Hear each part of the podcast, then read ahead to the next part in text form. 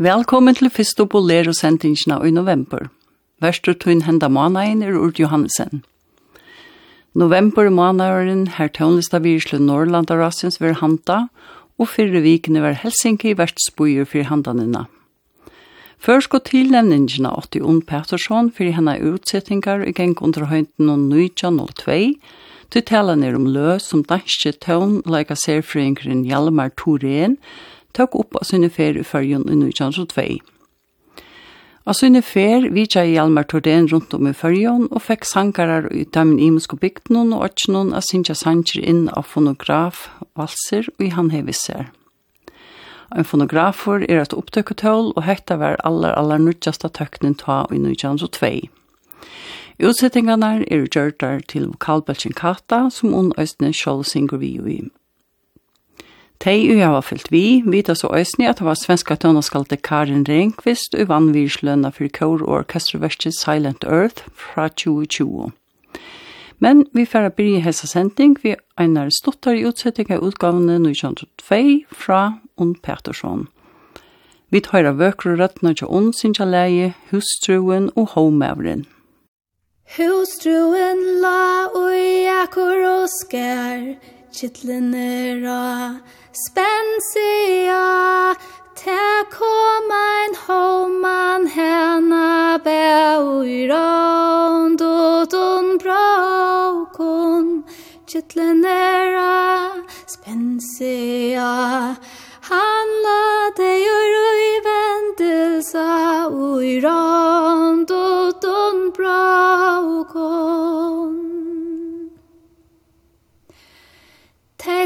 så ser man til lang og nått Kittlen er spensia Tei snakka vo mengt men svå og fått og i rand og stund brakon Kittlen er og spensia Han la deg og roi ventelsa, og i rand og stund brakon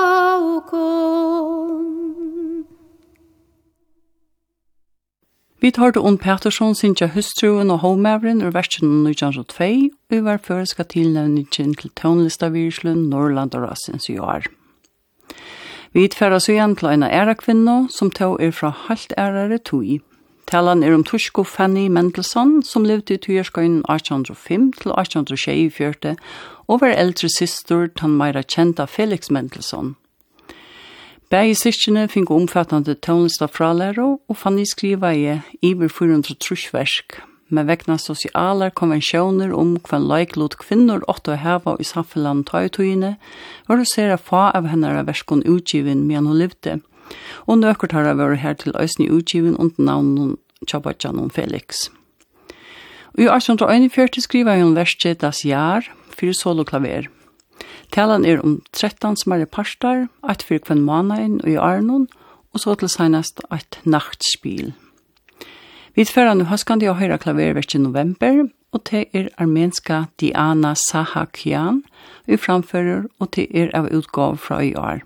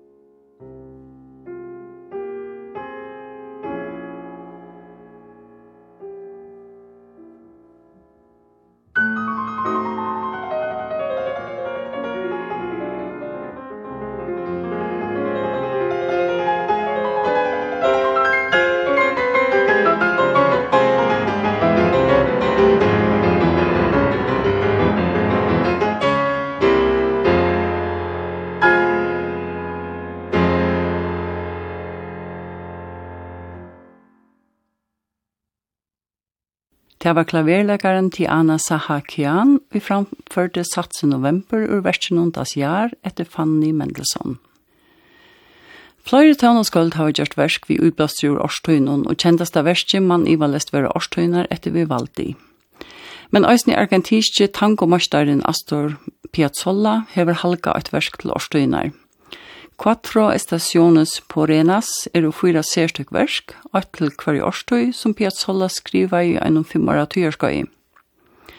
Og enskon vil du samle i verset røpt Four Seasons of Buenos Aires, og ta finnast flere imiskar utsettingar vi imiskon ljøv for samasetningon.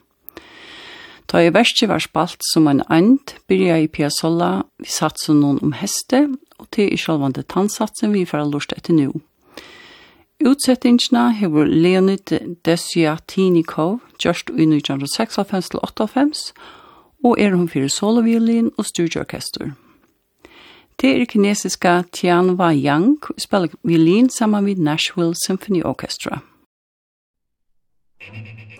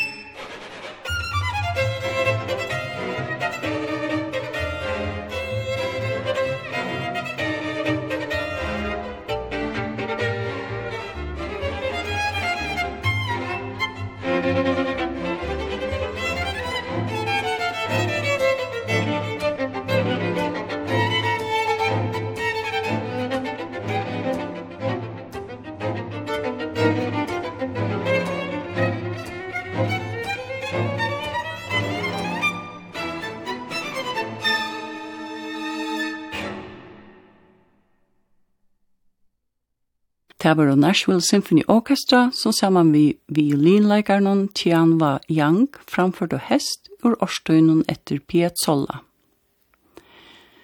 Vi flyter okko nu ur smarre verskon til eina heila symfoni, og talan er om symfoni nummer 6 og i emal etter bretan Vaughan Williams, som han skriva i under og etter annan veraldarbardeia, og som fekk premiere i 1948 av BBC Symphony Orchestra.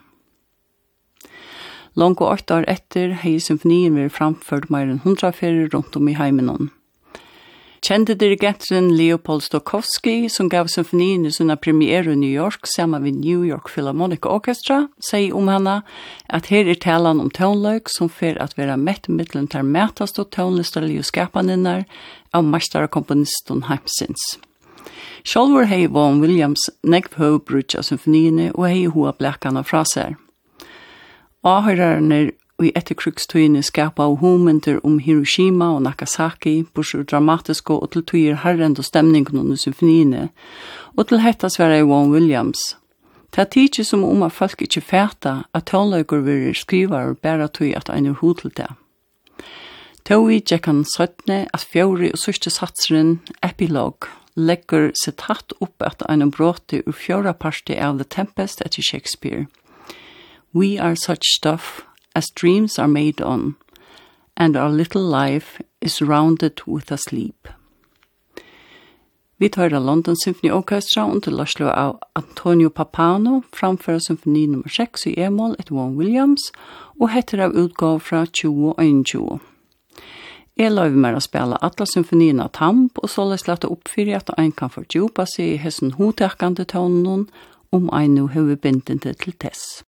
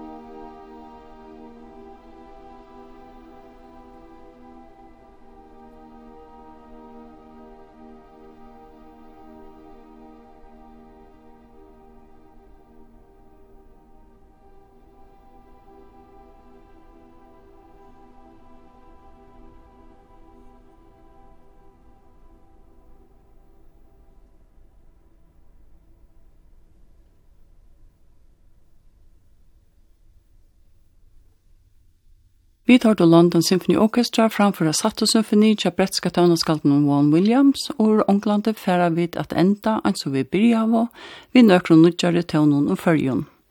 Hesa fyrir talan om trioina Eka, og til Kristina Tete Johansen av saxofon, brøverne Ernst og Axel Remmel av avvikavis trompet og klaver, og til Ernst og Sinkur. Verstje 8. september, og til er Paul Sjålstøyne i høveskriva verstje. Vi hesson heldur sorgblu i hesthånden takkar Vestertun Urt Johannesen og teknikaren Daniel Tausen fyrir det.